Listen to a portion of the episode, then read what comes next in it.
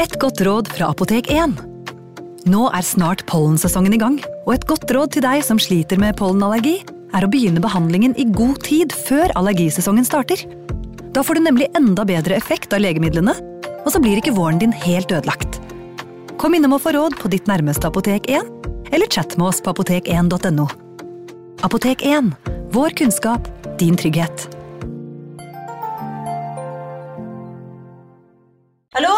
Jeg kommer fra Oslo politikammer.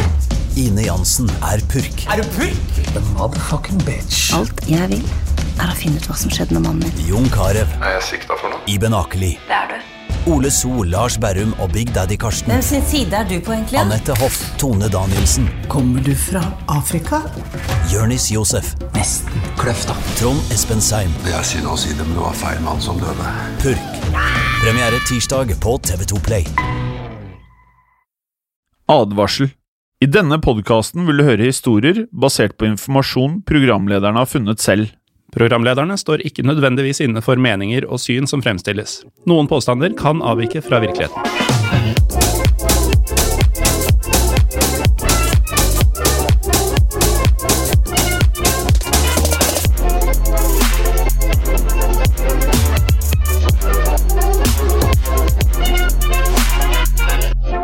Velkommen til en ny episode av Historiepodden. Jeg er Morten Galaasen. Og jeg er Jim Fosheim. Og i dag så har vi en eh, ganske så lang episode. Vet ikke om det kanskje blir den lengste vi har hatt noen gang, og hvis den blir eh, godt over en time, så tror jeg vi stykker den opp i to. Ja, vi får se. Forhåpentligvis så får vi det i, i ett jafs. Men uansett, eh, den blir nok ganske lang, men vi lover at det er verdt det. Men du, Jim. Hva om jeg fortalte deg om at jeg er en pilot? Noe jeg vet du ikke er. Men hvis eh, en mann i pilotuniform hadde kommet bort til deg og sagt at han var en pilot, hadde du trodd han var det? Jeg føler vel øh, at jeg hadde trodd det. Spesielt hadde vi vært på en flyplass. Eller om du var på et sykehus og så en mann i hvit legefrakk eh, som ga ordre til alle sykepleierne og medisinstudentene. Du hadde vel antatt at mannen var en lege? Det hadde jeg Eller det kan jeg garantere at jeg hadde antatt, med mindre personen var ekstremt øh, dårlig til å prate for seg. Og om du trengte en advokat? Ja, det Ja, de går jo bare i en vanlig dress, da. Så jeg tenker at hvordan skal du fake at du er en advokat? Nei, altså hvis du, hvis du trenger en advokat da, og gikk inn på et advokatkontor og ble presentert for en advokat på dette advokatkontoret, da tror jeg at du ville antatt at den mannen var en advokat. Ja, kanskje, kanskje jeg hadde det, men øh, jeg føler vel at vi nå sakte, men sikkert prøver å peile lytteren inn på noe som øh, kanskje har med svindleri og utgi seg for noen man ikke er å gjøre. Det er eh, litt av poenget. Eh, fordi at eh, denne mannen som vi nå pratet om, han var ikke en pilot. Han var ikke en lege, og han var ingen advokat, men han var kanskje verdenshistoriens beste på noe helt annet. Ja, Vi har jo da avslørt at eh, dette, disse tre hypotetiske mennene er en og samme mann, og han var definitivt ikke pilot, lege eller advokat, og i hvert fall ikke alle tre, men det ga han seg da ut for å være. Ja, og kjære lytter, har du sett en film med Leonardo DiCaprio eller Tom Hanks som du syns var fantastisk underholdende? Eh, og at den minner deg litt om denne, så tror jeg du kan bare tenke at du har helt rett. For dette her er eh, samme historie som i filmen som heter Catch Me If You Can. Altså en film fra 2002. Selvfølgelig regissert av bestevennen til Tom Hanks, nemlig Steven Spielberg. Og de har produsert mye bra sammen. Det har de. Men jeg visste ikke at de var såpass gode venner, men det, det gir jo mening. Det gir det. mening, og hvis man ønsker et sånn uh, høydepunkt i serie- slash TV-verden, så kan man jo se på det beste som er laget noen gang, som er Band of Brothers. Men i hvert fall, i Catch Me If You Can så har vi en hovedkarakter ved navn eh, Frank, uh, som spilles av Leonardo DiCaprio. Han utgir seg for å være en mestersvindler som uh, både da er, som vi har nevnt, å og tro som både lege, advokat og en pilot. Ja, Denne episoden skal altså handle om mannen denne filmen er basert på, Frank William Abagnale jr. ofte bare referert til som Frank Abagnale. Og som de flere ganger i filmen eh, påpeker, så ble han nok eh, Eller ble han nok kalt eh, Eller det var forskjellige uttalelser på etternavnet hans. For mange har jo, Og det har jo du spurt meg om før i sending i dag, Morten. Jeg var veldig usikker, for jeg trodde kanskje det var noe sånn Abagnale. ja, Abagnale, eller Abign Abignali, var det noen som kalte han i, i filmen. Um, dette her er jo da selvfølgelig en film som er basert på virkeligheten. Eh, og det er jo det vi skal inn på her i dag. Filmen anbefaler vi, som dere skjønner, på det varmeste. Ja, den er eh, ypperlig med, med litt popkorn og, og godt selskap. Den ligger på Netflix, så det er bare å gå og se på etter at dere har hørt på denne episoden, selvfølgelig. Veldig bra, Morten. Nå til herremannen bak filmen. Han som svindlet banker til himmels og utga seg for å være kvalifisert til alskens yrker. Ja, han klarte dette ved hjelp av en god blanding av eh, ferdigheter, kløkt, eh, tilpasningsdyktighet og selvtillit. Den typen selvtillit som får folk til å tro på at du er akkurat den du gir deg ut for å være. Det er noe i det, altså. Som eh, du sa tidligere, Morten. Hvis man ser en mann da, i hvit frakk på et sykehus som gir beskjed til sykepleierne, forteller deg at han er lege, så har du nok en tendens til å tro denne mannen. Ja, det er litt sånn, hvis du, um, hvis du later som du har lov til å være på et sted, eh, som du egentlig ikke har lov til å være eh, Hvis du bare later som hardt nok, så vil jo folk tro at du skal være nettopp der. Er dette noe du har testet ut, Morten? Ja, på en måte, faktisk. Det var en gang eh, som jeg lekte dørvakt på et utested i Oslo. Hvor jeg, jeg sto i døra og sjekka legg på folk. Og, og, noen av disse som kom, de fikk beskjed om å ta seg en runde rundt, rundt kvartalet. Um, problemet var jo bare at jeg var jo selv stupfull, og, og, var på ingen måte ansatt av dette utestedet. Og likevel da, så hørte folk på meg, helt til jeg eh, selv uh, fikk beskjed om at her skulle ikke jeg få være lenger. Men vi burde kanskje komme oss til begynnelsen til mestersvindleren Frank Abagnale sitt liv. Her skal vi nevne at mye informasjon, særlig om hans tidlige liv, kommer fra hans egen selvbiografi. Den heter, lite overraskende den også, Catch Me If You Can. Den kom ut eh, ett år før jeg ble født, nemlig i 1980. Han skal selv ha sagt at noen av detaljene i boken er overdrevne, hvilket vi i Storebåndet liker veldig godt. Mm. Um, og at noen ting er endret da av eh, personvernsårsaker. Men alt i alt så skal boken angivelig gi en god fremstilling av slik livet hans faktisk utspilte seg. Og Livet til Frank det startet i Bronxville i staten New York den 27. Eh, april 1948. Og Når du hører Bronxville, New York, så tenker du kanskje at det er en Jeg tenker at det er The Bronx. Ja, ikke sant? Men Bronxville er faktisk noe helt annet. The Bronx har jo av mange vært regnet som et ganske røft område i lang lang periode, men Bronxville, som ikke ligger langt unna The Bronx, vel å merke, er faktisk et meget uh, sofistikert område. Ja, det er ganske sånn swanky og upscale, som de sier på, på engelsk. Litt chic. Der uh, hadde Frank eh, tre søsken. Foreldrene hans var Paulette Abagnale og Frank Abagnale senior. Det er derfor uh, Franks fulle navn inkluderer en junior, naturligvis, på slutten. Vi kommer ikke til å bruke den junioren selv gjennom hele episoden, men sier heller Frank Abagnale senior hver gang vi snakker om faren hans. Altså Frank den eldre. Det var en ganske fiffig måte å løse det på, Morten. Ja, Vi får se åssen det går til slutt. Ja.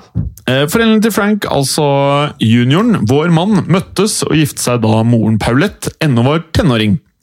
De flyttet til New York etter annen verdenskrig, som nettopp da var ferdig da Frank jr. ble født.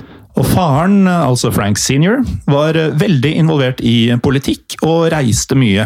Han var stadig vekk borte og lot eh, kona og barna ofte være igjen eh, alene hjemme. Hvilket eh, må ha gjort kjærligheten vanskelig for, for stakkars Paulette, som til slutt forlot Frank senior da Frank junior var tolv. Og offisielt så ble skilsmissen tatt ut da junior var 16 år gammel. Dette skulle endre Frank juniors liv for alltid. Han ble nemlig boende med faren, og reiste da også mye sammen. Han begynte med sin første store svindel allerede i tenårene. Som med mange andre gutter på denne alderen fikk eh, Frank jr. øynene opp for jenter. Og siden Frank senior og junior nå hadde et nært forhold, så ga faren Frank junior en bil og et kredittkort som han kunne bruke til å kjøpe bensin med. Så han eh, kunne komme seg til deltidsjobben sin. Men den deltidsjobben den betalte ikke godt nok til å finansiere alle datene som Frank jr. skulle dra på. Han ble nemlig så populær blant jentene Ah, han tok det med på romantiske bilturer stadig vekk. Han hadde visstnok flere kjærester på samme tid. Respekt. Respekt. Og da strakk ikke lønna helt til, skjønner du. Fordi eh, han skulle finansiere da dette her han holdt på med, alle disse forskjellige damene. Og derfor så var dette med datingen det som da startet hans store plan for å skaffe mer cash. Frank jr. han dro til bensinstasjonen og kjøpte hauger av utstyr med kredittkortet til faren. Altså, dette var ting som dekk og verktøy og bilbatteri og andre bilting. Som han deretter returnerte på stedet mot kontanter. Og for å få de ansatte med på denne svindelen, fikk også de en andel av disse kontantene.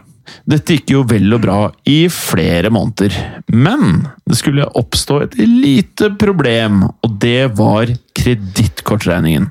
Ja, for den ble jo sendt til faren hans, og plutselig så fikk Frank senior en kredittkortregning på flere tusen dollar. Og det Frank jr. ikke visste, var at faren hans allerede slet litt med å få endene til å møtes uh, finansielt. Han måtte senere stenge butikken sin med skriveutstyr og erklære seg konkurs. Og pga. dette stuntet så ble Frank jr. sendt til moren sin i stedet. Og Moren var ikke videre imponert over Frank jr. sin eh, lille svindel, så hun sendte han rett på privatskole for tenåringer, med mindre respekt for loven, da. Der var han i ett år før han flyttet hjemmefra i 1964. Mye pga. en anspenthet da, mellom foreldrene, samt dårlig samvittighet for hva han hadde gjort mot faren sin. Men denne dårlige samvittigheten den førte ikke til at eh, Franks kriminelle tendenser tok slutt. De hadde nemlig knapt begynt, og nå er faren ute av bildet i denne historien, så da er det bare Frank eh, fremover. Frank han eh, dro av gårde. Med kun 200 dollar på kontoen så reiste han til selveste New York City. Frank hadde ikke særlig mer utdanning å vise til enn at han hadde gjennomført high school, altså videregående her i Norge. Eh, det skulle gjøre det nokså vanskelig for han å få seg i det hele tatt en minstelønnsjobb. Eh, så da kom jo ideen, da, Morten. Ja, Eh, Frank han var eh, ganske stor. altså Han var litt over 1,80 høy og hadde noen tidlige premature kan man si, grå hår, og oppførte seg i det hele tatt ganske modent for alderen. Så Derfor så forfalska han alderen på førerkortet sitt og la på ikke du er to-tre år, men ti år! Og folk trodde faktisk på at han var såpass mye eldre enn han egentlig var. Så her hadde en liten Christian Jacobsen Drakenberg-situasjon, føles det som fra en tidligere episode. Ja, i sesong to. Helt riktig. Um, som da Drakenberg gjorde en karriere av å late som om han var langt eldre enn han var, og lurte jo folk til å tro at han var 140 år gammel. Ja. Aldersløgnen til eh, Frank var ikke like voldsom som Drakenbergs, men det gjorde at han fikk eh, litt bedre jobber enn han ellers ville fått. Folk tok han rett og slett mer eh, alvorlig når han var en mann på 27, i stedet for en guttepjokk på 17, som han da faktisk var. Særlig når han begynte å overdrive hvor mye utdanning han hadde. Dette var fortsatt ikke nok for Frank. Dermed begynte han med noe han var svært kjent for. Forfalskning av sjekker. Nå er det jo nesten ingen som bruker sjekker lenger. Altså, det er fortsatt brukt en del i utlandet, men her i Norge er det jo nesten ingen som har hørt om det. Jeg vet ikke om det fortsatt er eh, godkjent som betaling. Ja, Morten, eh, eh, går det an å gå i bank og få sjekka ut en sjekk? Det, det, går faktisk an, men det, det er jo en veldig fallende bruk. Og det er mest bedrifter og ikke privatpersoner som bruker det i dag. Um, I 2015 så ble det visstnok brukt rundt 100 000 sjekker i norske banker, som uh, egentlig høres mye ut for meg. Jeg brukte faktisk sjekker når jeg studerte i Skottland. Så jeg kjøpte en gang melk som kosta 80 pi. Men Bruken i Norge gikk da ned, og um, spesielt når det kom gebyrer på sjekker i 1980-årene. Samtidig kom nye elektroniske måter å betale på, og det ble langt enklere å bruke da kort og andre metoder. Ja, fordi måten en sjekk fungerer på um, altså Noen av lytterne våre har kanskje ikke brukt en sjekk på lenge, og mange har sikkert aldri brukt en overhodet. Um, for meg så er jo sjekk stort sett noe man snakker om i, i Seinfeld. Store norske leksikon definerer sjekk på denne måten, skal du høre nå, kjære lytter. Sjekken er en eh, anvisning på banken hvor utstederen anmoder banken om å utbetale det angitte beløp til seg selv eller til en annen person. Denne kan overdra sjekken videre ved, endo, ved, å endosere den. Er det et ord du bruker ofte? Det bruker jeg ganske lite. Det er jo i det hele tatt noen innvikla ord i den definisjonen der. Men eh, man har altså et sjekkhefte hvor man skriver inn et beløp som skal utbetales til noen fra den og den kontoen til en annen konto. Sjekken har da detaljer som underskrift, dato osv. Og man tar den da med til banken, viser frem ID og får ut de pengene som står på sjekken. Eventuelt sender pengene til andre som skal ha den utbetalt. Og hvorfor, kjære lytter, så driver vi og forklarer hvordan en sjekk fungerer? Det er fordi at jeg tror veldig mange av lytterne av denne podkasten aldri har sett en sjekk. Hva tror du, Morten? Ja, jeg tror ikke jeg har sett den selv engang. Og du har ikke sett den heller? Nei, I hvert fall ikke som jeg kan huske. Nei. Jeg har et sjekkhefte liggende hjemme. Som er aktivt? Jeg vet ikke om banken min i Skottland fortsatt uh, jeg, om jeg har en konto der, men jeg tror det. Ja. I hvert fall, Det Frank gjorde, var å begynne å skrive ut det som kalles bad checks. Dvs. Si å skrive sjekker som, um, for å få ut penger fra en konto som har mindre enn det beløpet du skal få. Uh, han gikk altså til banken og henta ut penger fra en tom konto, og vi er jo her på 1960-tallet. Bankene hadde jo ikke like kjapp samkjørt kommunikasjon som de har i dag. Mye takket være dagens elektronikk. Han ønsket å endosere seg selv, virker det som. Ja. Dermed tok Frank ut tusener av dollar han ikke hadde, ut fra en tom konto i forskjellige banker. Og de ga ham faktisk pengene, og det er jo, når man ser filmen også, så er det jo lagt inn en del list, da, hvor han mm. velger ut den i kassa han uh, føler uh, er snillest. Det er litt som uh, var for ung til å kjøpe øl, så prøvde han å finne ut hvem i disken som kanskje var den snilleste. Eller naiv. Eller naiv. Men han visste at bankene ville oppdage dette, og før eller siden så ville de jo da faktisk melde han til politiet. Så han flyktet da fra denne bankkontoen med røde tall, og også fra navnet sitt. Ehm, både boka og filmen heter jo 'Catch Me If You Can', som tilsier at dette var en fyr som ofte måtte løpe sin vei. Det er rått at han liksom vet at han blir på flukt resten av livet. Ja. Han velger å gjøre det fordi han vil ta med masse damer ut på date. Ja, Det er enkelt og en kortsiktig god løsning. Veldig kortsiktig god løsning. Frank bestemte seg for å skaffe seg en helt ny identitet, som vi også hadde gjort, Morten, hvis vi skulle gjort noe lignende, vil jeg tro. Ja, Som vi begge har gjort på et tidspunkt i livet. Og ikke hvilken som helst identitet. Han måtte ha noe med kredibilitet som folk hadde respekt for. Noen som kunne gå i ulike banker overalt i byen med disse bad checksene. Uten at folk fattet mistanke, da. Og en gang gikk Frank forbi eh, New York-hotellet Commodore Hotel og fikk øye på masse piloter og flyvertinner utenfor. Og da fikk han en idé. For hvem er det som har god grunn til å dukke opp sporadisk på forskjellige banker på forskjellige steder? Noen med såpass autoritet at de ikke kan bli mistenkt for noe som helst. Det er jo selvfølgelig en pilot. Aha! Og det var jo da helt perfekt for Frank. Så det var eh, dette som skulle være hans nye virke, hans nye yrke, da. Eh, det første han gjorde, var å skaffe seg en uniform. Eh, og her kom jo det vi sa tidligere inn.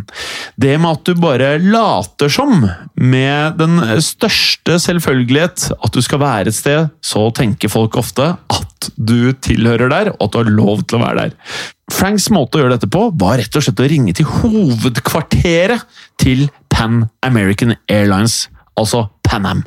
Han ringte da til en innkjøpsagent for eh, Pan Am og sa rett og slett at han var en pilot som arbeida for dette flyselskapet, og at han hadde mista uniformen sin mens han bodde på et hotell i New York.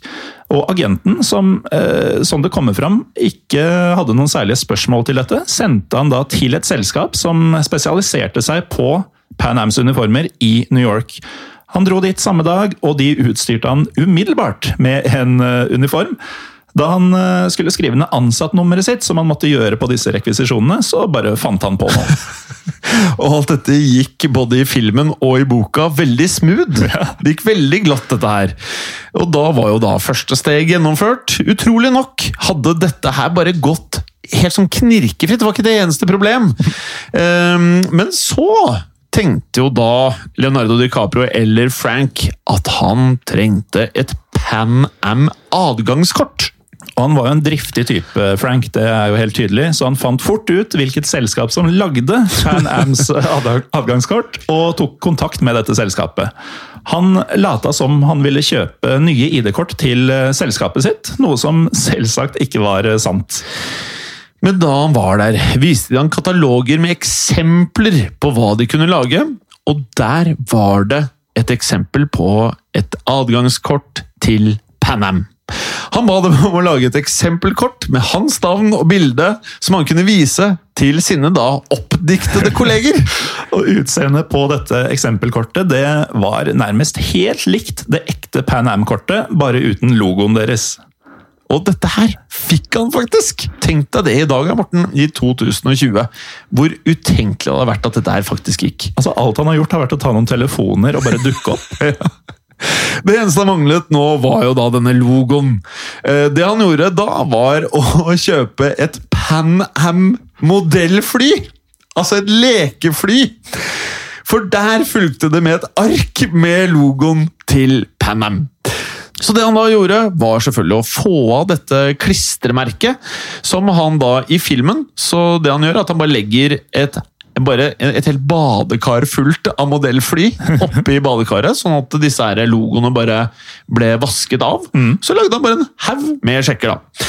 Så det han da gjorde, var jo bare å kjøpe inn en rekke modellfly, som var en eh, rask og rimelig måte å lage en haug med Pan Am adgangskort. Han er jo en kreativ type. Det Frank eh, derimot ikke hadde noen kunnskap om, var jo det å være pilot. Eh, noe som han regna med ville få han avslørt ganske kjapt. Så han fordypa seg da i bøker på biblioteket. Og I tillegg så lot han som om han var en student som skrev oppgave om Pan Am spesielt, og pilotene deres. Og fikk da innvilget flere intervjuer med ansatte i selskapet. Og dermed så fikk han vite om de fleste begrepene og fikk den nødvendige overflatekunnskapen om både Pan Am og det å være pilot, som han trengte for å virke troverdig. Ja, og hva var neste steget da, tro? Jo, det var å forfalske en flylisens. Ja, for siden piloter ofte måtte vise frem nettopp dette til personalet før flyturene, så måtte han jo ha et da med sitt nye navn, som var ikke Frank Abignale, men Frank Williams. Eh, og da var han klar til å være pilot, han. Den perfekte forkledningen. Med denne nye identiteten og en god dose skuespill, så vandret Frank dermed inn i banker over hele byen og tok ut sjekk etter sjekk. Og det var jo mye prestisje rundt eh, det å være pilot på den tiden, og særlig prestisje var det i å være pilot for eh, Pan Am. Han fikk derfor mye oppmerksomhet i bankene, og også ofte mm, ute i offentligheten, så lenge han gikk i denne uniformen. Og på denne tiden så var jo det å være pilot og jobbe i luftfart, det var jo som å være superstjerne. Ja, det var jo det. The golden era of flight, flight. Aviation. Aviation. Frank har selv sagt at de første falske sjekkene hans var svært dårlige, eller begrenset, eller meget dårlige, som han sier da. Og at de egentlig burde vært avslørt med en gang de falt i bankens hender. Men de ansatte så bare piloten foran dem, og alt lå bare rett og slett i presentasjonen, mente Frank Abignale. Ja, altså Denne nevnte prestisjen rundt piloter, og ikke minst selvsikkerheten til Frank, den hjalp noe voldsomt. Og denne prestisjen, sammen med hans uh, naturlige sjarm, det hjalp jo også selvfølgelig på draget på damene, som vi ikke må glemme, da! Det er jo grunnen til at han starta med dette! Ja, ja, Det er motivasjonen til alt, det. Han innledet korte forhold med flere flyvertinner, og utnyttet da forholdene til å finne ut mer om da det som gjaldt av flyindustri. Da han følte at han visste nok, bestemte han seg for å prøve seg på deadheading. Og deadheading det høres jo litt uh, dramatisk ut, men uh, det var altså en vanlig del av uh, flyindustrien. som går ut på at flyselskapet ofte sendte piloter med på flyturer fordi de hadde oppdrag på den destinasjonen dette flyet skulle til. Så de fløy ikke selv, men de satt i et eget sete for å bli tatt med dit de skulle jobbe fra, og det var jo en perfekt måte for Frank å komme seg rundt på. Om han forsøkte å fly selv, så ville han nok blitt avslørt eh, raskt, med tanke på at han tross alt ikke kunne fly. Ja, og flyselskapet dekket altså utgiftene da for deadheading. Og dette ble da Franks måte å komme seg rundt i alle USAs byer på. Og selv til utlandet kom han seg ved hjelp av deadheading. Det er jo genialt! Jeg kan ikke tro at dette er en sann historie. Hadde det gått i dag, tror du? Nei, det hadde det ikke. Altså. Han fortsatte å ta åpne bankkontoer og ta ut sjekker i byene og de landene som han besøkte.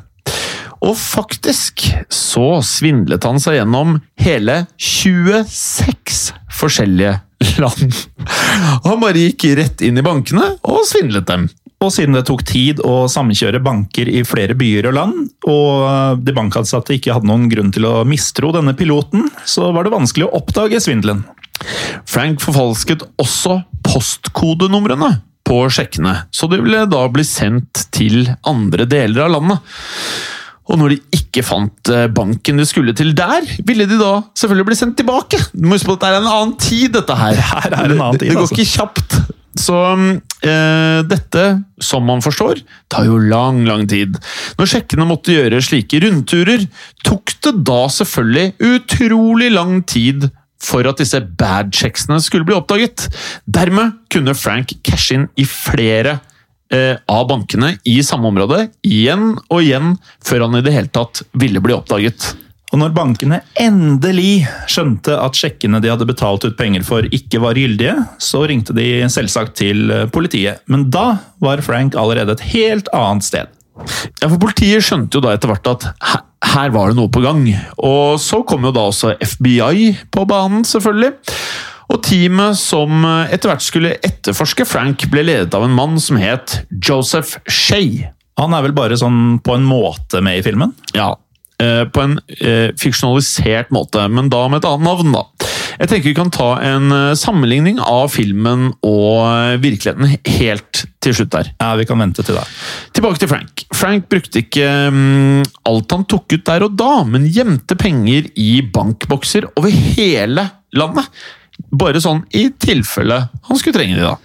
Men de pengene han ikke gjemte unna, de ble som oftest brukt på Selvfølgelig Franks store lidenskap. Kvinner. Kvinner. I denne selvbiografien så sier han Enhver med en kronisk drift for damer trenger all den finansielle assistanse som er nødvendig.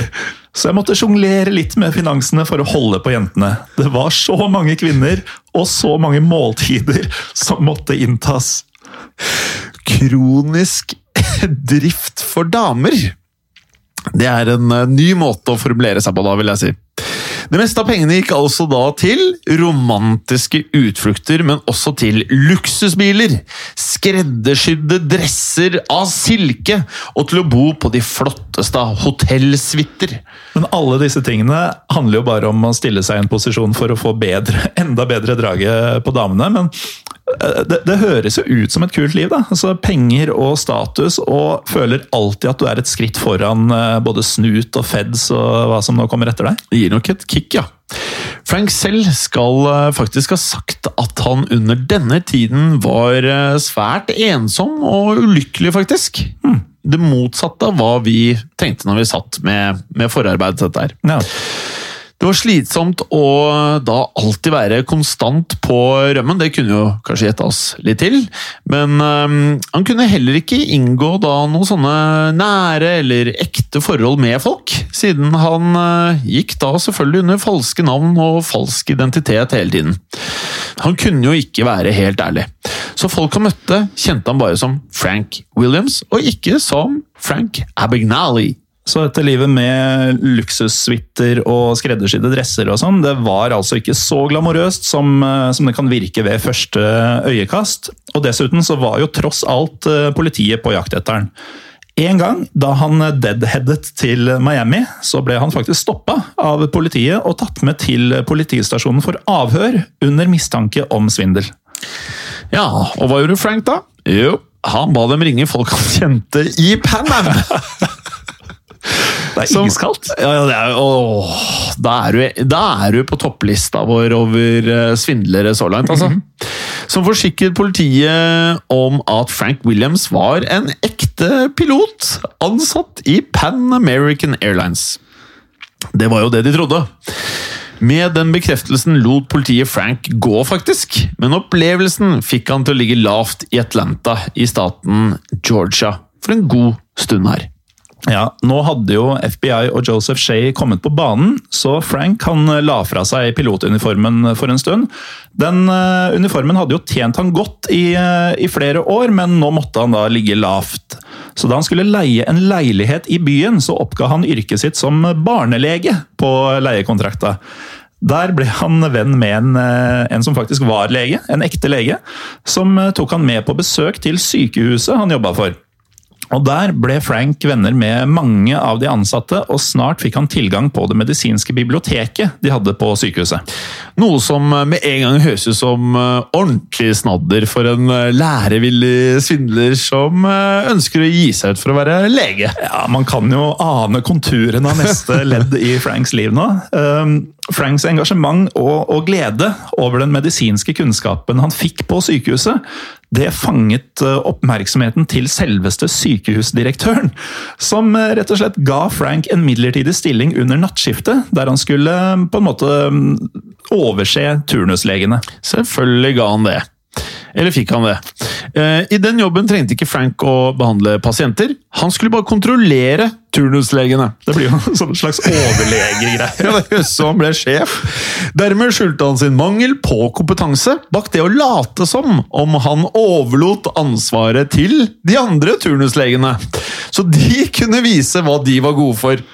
Likevel så eh, kom det en gang et eh, skadet barn inn på avdelinga, og Frank ble kalt inn for å hjelpe. Han eh, klarte atter en gang å overlate arbeidet til turnuslegene, men han ble ganske rysta da han forsto at han faktisk kunne havne i en situasjon hvor han hadde ansvaret for folks liv og deres ve og vel.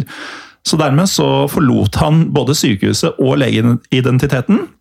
Men det var etter å ha vært der i nesten et helt år. Ja, og i filmen, da Dette er en fantastisk scene. For i filmen så eh, skildrer de at Leonardo DiCaprio ser ekstremt mye på TV for å da tilegne seg mye av vokabularet man da bruker i dette yrket. Ja, sjargongen. Helt riktig. Så i filmen, når dette her skjer, så eh, sier da Leonardo til de andre legene Hva synes dere? Og så sier de Han ene sier et eller annet uh, som Leonardo er veldig enig i. Og så ble han eh, veldig glad i et ord som heter som var som concur. Som ja. var Ja, ja. at jeg er enig. Mm, så han sa bare concur. uh, og med det så sto de andre legene her og bare Åh, jeg skulle ønske jeg sa concur. um, deretter dro Frank til Louisiana. Uh, har du mulighet til å gjette hva han tok seg til der? Det blir jo et nytt eh, falsk yrke på, uh, på godeste Frank. Og hva dette nye yrket var, og mer om uh, Franks utrolige bragder, for vi har bare så vidt begynt, Jim. Det får dere høre mer om etter en kort pause. Er du glad i historiepodden? Sjekk gjerne ut andre podkaster fra moderne media, som True Crime Podden, Skrekkpodden eller Mørkeredd. Podkastene våre finner du der du lytter til podkast, som på iTunes eller på Spotify. Velkommen tilbake. Frank har eh, kommet seg til Louisiana og er eh, atter en gang klar for å utgi seg for å være noen andre. Mens Frank var i Louisiana, snublet han over en flyvertinne som han hadde hatt et kort forhold til noen år tidligere. Mens han da utga seg for å være pilot. Han klarte å overbevise henne om at han også hadde en jusutdannelse fra selveste Harvard University. Han smører bra på, altså. Og hun trodde selvfølgelig på han. Eh, og det han sa da var at eh, dette var jo en jusutdannelse han ikke hadde trengt, ettersom han da heller hadde bestemt seg for å jobbe som pilot, selvfølgelig. Ja, altså Selvfølgelig klarte han å overbevise henne, fordi han var jo nærmest en profesjonell eh, løgner på dette tidspunktet. De dro på en fest sammen, og der introduserte flyvertinnen Frank for en fyr som faktisk var advokat. Ja, og den advokaten fattet selvfølgelig interesse for Frank, som så mange andre før han også hadde gjort. Frank eh, hadde en viss sjarm, eller Morten? Det, det virker sånn, altså. Denne advokaten fortalte Frank at eh, jo da, vi har en ledig stilling på kontoret, vi. Og at Frank bare måtte komme innom med noen nødvendige papirer. Ja, og disse nødvendige papirene var bl.a. universitetsdokumenter og vitnemål. da. Som ville vært et problem for deg og meg å framskaffe. Ja, men ikke for Frank Abagnale eller Frank Williams. Disse forfalsket han bare, og deretter måtte han ta en eh, eksamen, en såkalt bar exam, for å få lov til å praktisere juss. Og etter mye lesing, for han var jo tross alt eh, ivrig på å tilegne seg denne nye kunnskapen, så prøvde Frank seg. Han strøk med glans. Ja, det er jo ikke så rart, i og med at han øh, hadde jo aldri faktisk studert juss. Men det tok ikke motet fra Frank. Han øh, tok den bare igjen og igjen. Og igjen. Som han sa, Louisiana at the time allowed you to take the bar over and over again as many times as you needed. It was really a matter of eliminating what you got wrong. Og til slutt så ga denne eliminasjonsmetoden resultater, fordi tredje gang så sto han, og han fikk godkjent autorisasjon til å praktisere juss. Så da sprada han jo av gårde til advokatkontoret og fikk denne jobben, som eh, til og med var ordentlig godt betalt. Ifølge han selv var hovedoppgaven hans eh, mest å hente dokumenter og kaffe da, til de andre advokatene. Men uh, han likte seg utrolig godt der. Dessverre skulle det ikke vare. En annen advokat som faktisk kom fra Harvard University, uh -oh. begynte å stille spørsmål. For mange spørsmål. Frank skjønte at han måtte forlate den jobben, ellers ville han risikere å bli fersket. Men nå hadde det jo gått uh, en tid siden uh, han var, uh, hadde vært pilot, så han hoppa tilbake til den rollen, denne gangen med enda et nytt navn og han fortsatte å fly verden rundt og svindle banker. Ja, selvfølgelig gjorde han det. Etter hvert havnet han i staten Utah og bestemte seg like så godt for å late som han var professor i sosiologi! Nå begynner det å bli ganske obskure yrkesvalg på han. Med selvfølgelig forfalskede dokumenter i hånden besøkte han rektoren for Brigham Young University og fikk seg et vikariat der og holdt sommerforelesninger for studenter.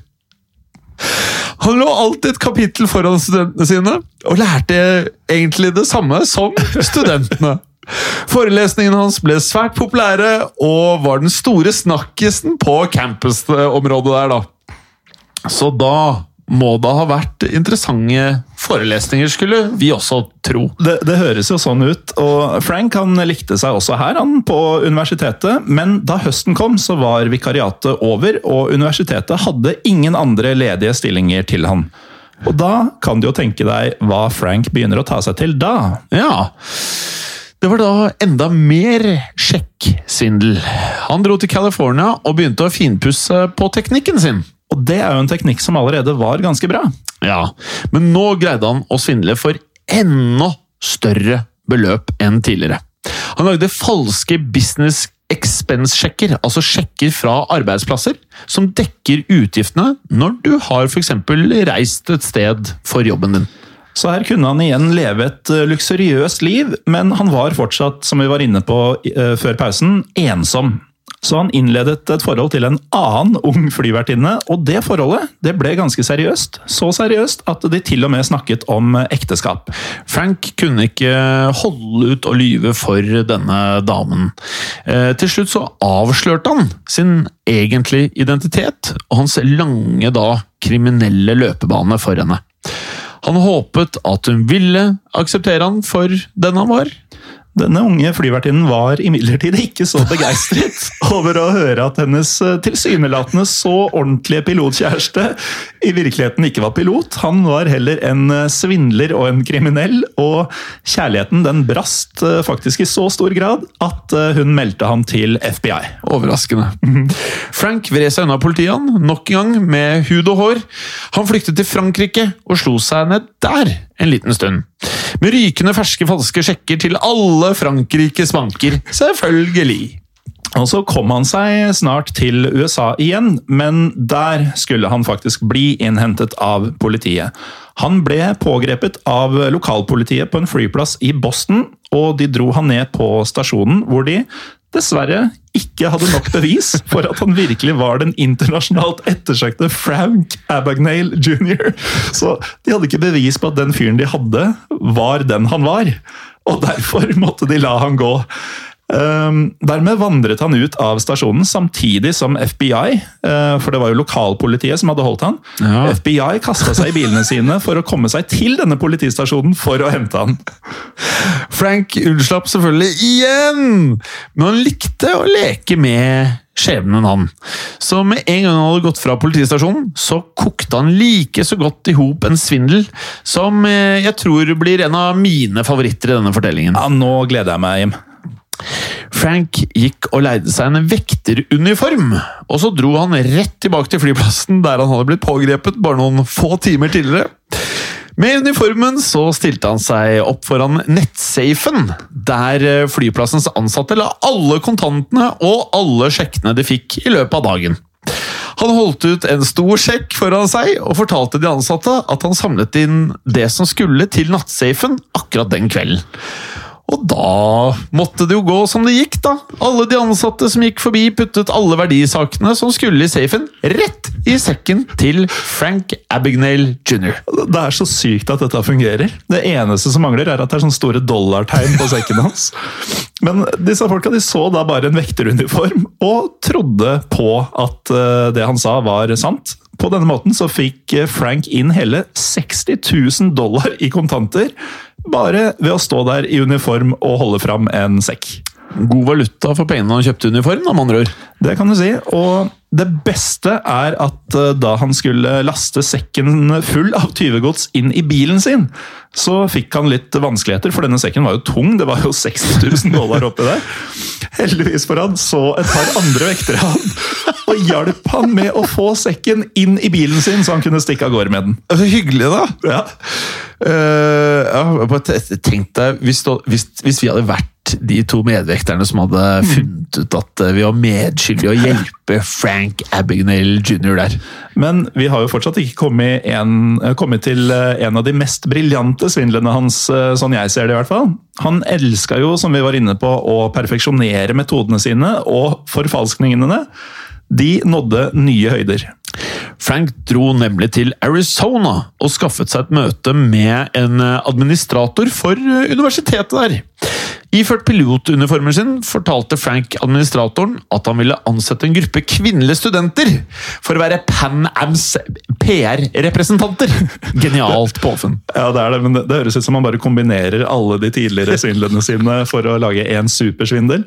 Um, som, eh, som PR for eh, flyselskapet Pan Am skulle disse kvinnene reise som flyvertinner rundt i Europa hele sommeren med Frank og gjøre fotoshoots som eh, ville bli brukt som markedsføring for Pan Am. Alle utgiftene deres ville selvsagt bli dekket av flyselskapet. Ja, og Nå er det sikkert mange som lurer på hvorfor Frank gjorde dette, men husk at nesten all svindelen hans handler om hvordan man fremstår. De åtte utvalgte kvinnelige studentene de var jo kjempebegeistra de, over å ha fått eh, en slik strålende mulighet, og ante jo ikke naturligvis, at de var en del av en enorm svindel. Og, og man må liksom bare forstå eh, For det første må man se filmen hvis man ikke har sett filmen ja, etter denne episoden her. Og da skjønner man hvor superstjernene superstjerne det var å være flyvertinne. Mm. Altså Det var godt betalt, all inclusive, du bodde på flotte hoteller, og det hadde jo noe med at flybillettene var svindyre på Ja, den tiden å gjøre. Og de flyvertinnene de ble med Frank på turer over hele Europa. Fotoshootene de trodde skulle brukes i Pan Ams markedsføring, var bare noe Frank bestilte av fotoselskaper for å opprettholde illusjonen. Jeg tipper han satt igjen med de bildene. Det tipper jeg også han Ja. gjorde. Men hans egentlige mål var disse kvinnenes eh, business expense-sjekker. Ja. Han hadde jo tross alt sagt at eh, Pan Am skulle dekke alle utgiftene. Dermed gikk han i banken med disse utgiftssjekkene med et høyere beløp enn de faktiske utgiftene til kvinnene. Han ga studentene det egentlige beløpet de hadde lagt ut, og tok resten av det utbetalte beløpet selv. Og da var det sånn at eh, nøkkelen i denne svindelen var at Frank tok med seg studentflyvertinnene i bankene. Dette fremsto jo selvfølgelig veldig troverdig, det at han da tok ut masse business expense-sjekker når de bankansatte kunne se hvem det var til. Identiteten hans var også forsterket. Ingen ville mistenke en pilot for svindel når han hadde med seg et helt team med flyvertinner. Om eh, tanken på svindel skulle streife dem, så tenkte de sikkert at det var så usannsynlig at en person skulle klart å lure med seg alle disse personene, at de bare slo fra seg denne tanken. Men de kjente ikke Frank Abagnale. Det gjorde de ikke. For i løpet av den sommeren tjente han over 300 000 dollar! Dette her skal vi da selvfølgelig inflasjonsjustere på Instagram og på Facebook. Ja, det må vi nesten gjøre, for det er jo enorme penger uh, i dag. Ja, det er meget. Uh, men det, med dette så var jo Frank på, på toppen, uh, men han var tross alt en smart fyr. Han skjønte jo at lovens lange arm ikke ville overse dette gigantiske stuntet hans. Frank visste at FBI visste om han, og at de var etter han. Han har sagt I always knew I would get caught. Only a fool would think otherwise. The law sometimes sleeps, but the law never dies. Hva syns du om at jeg eh, stort sett tar alt engelsk i denne podkasten? Nei, du må bare fortsette med det. Du, Du tar tross alt svensk. bodd i Skottland. Ja, Jeg tar svensken og nynorsken. By the way, så har vi fått eh, helt sinnssykt mye DM-er på Instagram om uh, uttalelsen vår på Kaffjør. Ja, det, den så vi komme, da. Ja, men eh, jeg, eh, jeg sa det så gærent, da? Koffjord. Nei, vi sa det helt riktig. vi. Alle, alle andre som tar feil. Ja. Um, for å holde hodet lavt, så slo Frank seg ned i Frankrike en stund, under navnet Robert Monjo. Fint navn, egentlig. Ja, det er mulig han sa det på en helt annen måte. Eh, kanskje han sa Koffjord. For første gang på flere år så forsøkte han faktisk å leve et normalt liv, og han hadde blitt hele 20 år gammel på denne tiden. Ja, Det er viktig å ikke glemme. Han var jo en unggutt. Og på dette tidspunktet så er vi da kommet til 1968. Ja, for han dro jo hjemmefra da han var bare 16, så alt det vi har snakka om nå, det hadde han gjort i løpet av fire år. Og etter fire år var han, som man kan forstå frem til nå, veldig sliten og lei av å rømme. Han slo seg til ro, selv om han visste at dette ikke var lurt. eh, Det å være på ett sted over lengre tid. Og en annen ekskjæreste av han, for eh, disse hadde han jo en del av etter hvert, hun så han faktisk i Frankrike. Og like etter at hun hadde sett Frank, så så hun også ansiktet hans på en Wanted-plakat. Og da ringte hun fransk politi, som eh, igjen kontaktet FBI og Joseph Shea. Frank ble pågrepet han, av fransk politi midt i en matbutikk. Under en uke senere sto han i fransk rett og ble funnet skyldig for flere lovbrudd i Frankrike. Han ble da dømt til ett års fengsel, men slapp ut etter bare seks måneder. Og Deretter så hadde han faktisk et kjapt eh, fengselsopphold også i Sverige, før han havnet i USA igjen. Og Der forsøkte han å rømme, men denne gangen gikk det ikke. I New York ble han arrestert av FBI og stilt for amerikansk rett. Og der ble han funnet skyldig. Frank hadde svindlet i seg hele 2,5 millioner dollar i løpet av sin kriminelle svindlerkarriere. Ved hjelp stort sett av bad checks. Han ble dømt til hele tolv år i fengsel. Så svindlerlivet til Frank Abagnale, det var over. Dommen var på tolv år, men eh, i det minste så slapp han jo nå å rømme noe mer. Ja, Selv om svindelen ble liggende igjen i fortiden hans, så betyr det imidlertid ikke at historien er over her. Han ble riktignok dømt til tolv år i fengsel, men slapp ut etter bare fem år. Ja, og hva skal da en svindeldømt mann på bare 26 år ta seg til? Ehm, Det er jo ikke spesielt enkelt å få seg en, eh, en jobb med det på rullebladet. Det hadde nok vært enkelt for han å starte en eh, svindlerkarriere igjen på dette tidspunktet, men det ville han jo ikke. Han eh, angret jo på det han hadde gjort, faktisk. Eh, på et foredrag senere i livet sa han I'm here to tell you tonight. Life is not short. When you mistreat someone, you have to live with that for the rest of your life. It becomes a burden that you have to carry with you. Ja, Livet hans hørtes jo, som vi sa tidligere, ut som det var glamorøst i de fire årene han holdt på, men det syns han jo tydeligvis ikke selv at det var. Og Noen ganger så var det nok det, men han kunne jo ikke snakke med familien sin eksempel, mens han var på rømmen. Han sendte dem postkort iblant, så du skulle vite at han da faktisk var i live, men han var stort sett alene i høytidene.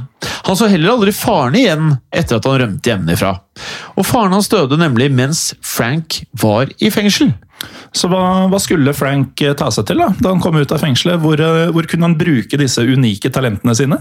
Jo, Svaret på dette kom fra et uventet hold. Det var nemlig lovens lange arm selv som strakte en hånd til Frank Abagnale. Han ble nemlig ansatt av FBI for å hjelpe dem å da fange svindlere. Selvfølgelig, for um, han var jo en uutnyttet ressurs og en gullgruve av informasjon på dette feltet. Ja, Han var den beste i hele verden på dette, mm. uh, og dette gjorde han karriere på. Gjør det faktisk den dag i dag, Morten. Ja, Det er jo ikke så ofte vi snakker om folk som eh, fortsatt er i live. Nei, det er ikke så ofte. Men Frank Abagnale er fortsatt i levende live. Han har uh, hatt en lang karriere der han hjelper både det private og det offentlige med å bedre sikkerheten. Da altså finne måter hvor de kan avsløre svindel. Han reiser derfor rundt og også holder foredrag. Det er jo nesten litt sånn happy ending at eh, de talentene som sikra han en kriminell løpebane, også blir brukt til å forhindre at eh, andre gjør akkurat det samme i dag. En mann det absolutt eh, står litt respekt av, kanskje? Helt klart, og han har skrevet flere bøker. altså 'Cashmere If You Can' har vi jo nevnt, som da ble til en film. Han har skrevet flere også, men eh, vi må jo igjen anbefale denne filmen på det varmeste. Vi nevnte at vi skulle prate litt om filmen på slutten nå. Ja, og forskjellene fra virkelighet til film. Ja. Noen få ting er endra fra biografien, altså boka, til filmen, som eh, jo er en ganske vanlig ting å gjøre. Ehm, I filmen så slår de sammen flere FBI-etterforskere, bl.a.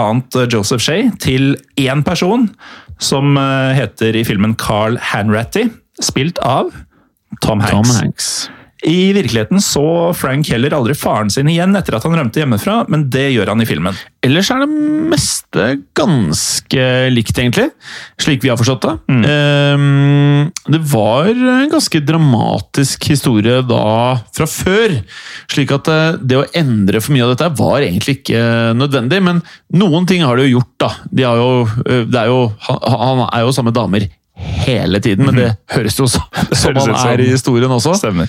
Men det er jo en enestående historie, dette her. Altså, Tenk at han slapp unna med alt det her såpass lenge. Men man skal huske på at han gjorde alt dette her før han var gammel nok til en gang drikke alkohol. Ja.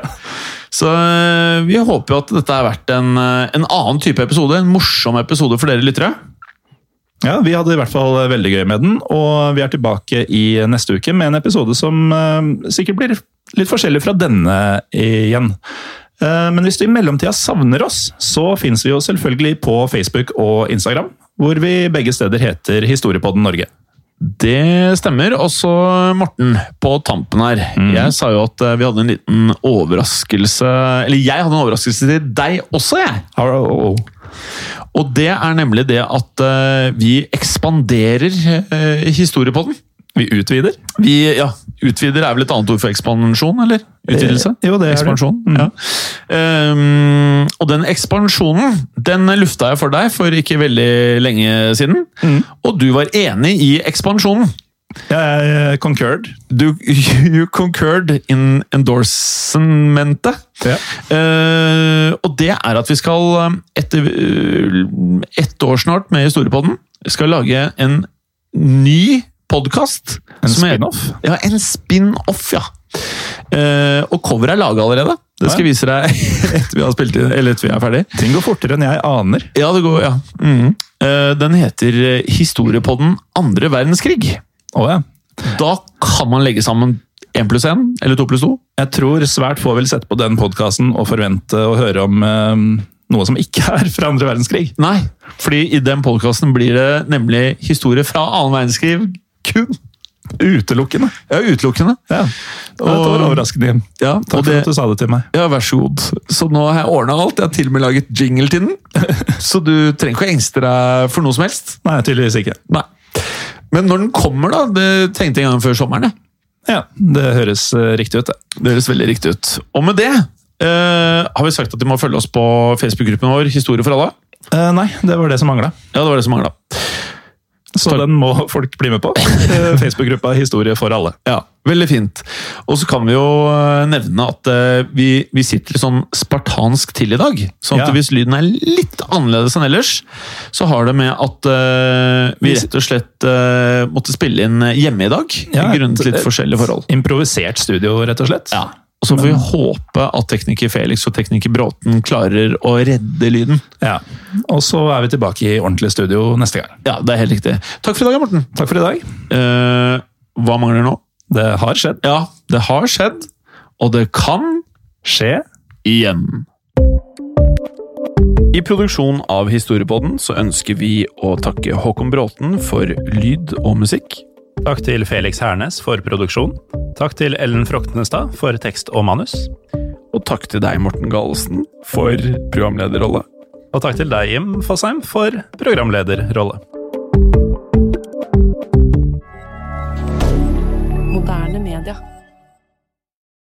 Har du et enkeltpersonforetak eller en liten bedrift? Da er du sikkert lei av å høre meg snakke om hvor enkelt det er med kvitteringer og bilag i fiken, så vi eh, gir oss her, vi. Fordi vi liker enkelt. Fiken superenkelt regnskap. Hei, og takk for at du lytter til Historiepodden. Skulle du ønske at du kunne høre en ny episode av Historiepodden hver eneste uke? Vel, da er det én ting å gjøre. Da kan du laste ned podkastappen Untold med det samme. For i tillegg til ukentlige episoder av podkaster som Historiepodden andre verdenskrig, Henrettelsespodden og også Gangsterpodden, så får du masse annet reklamefritt og også eksklusivt innhold. Last ned Untold i AppStore eller Google Play og start din 30 dagers gratis prøveperiode allerede i dag.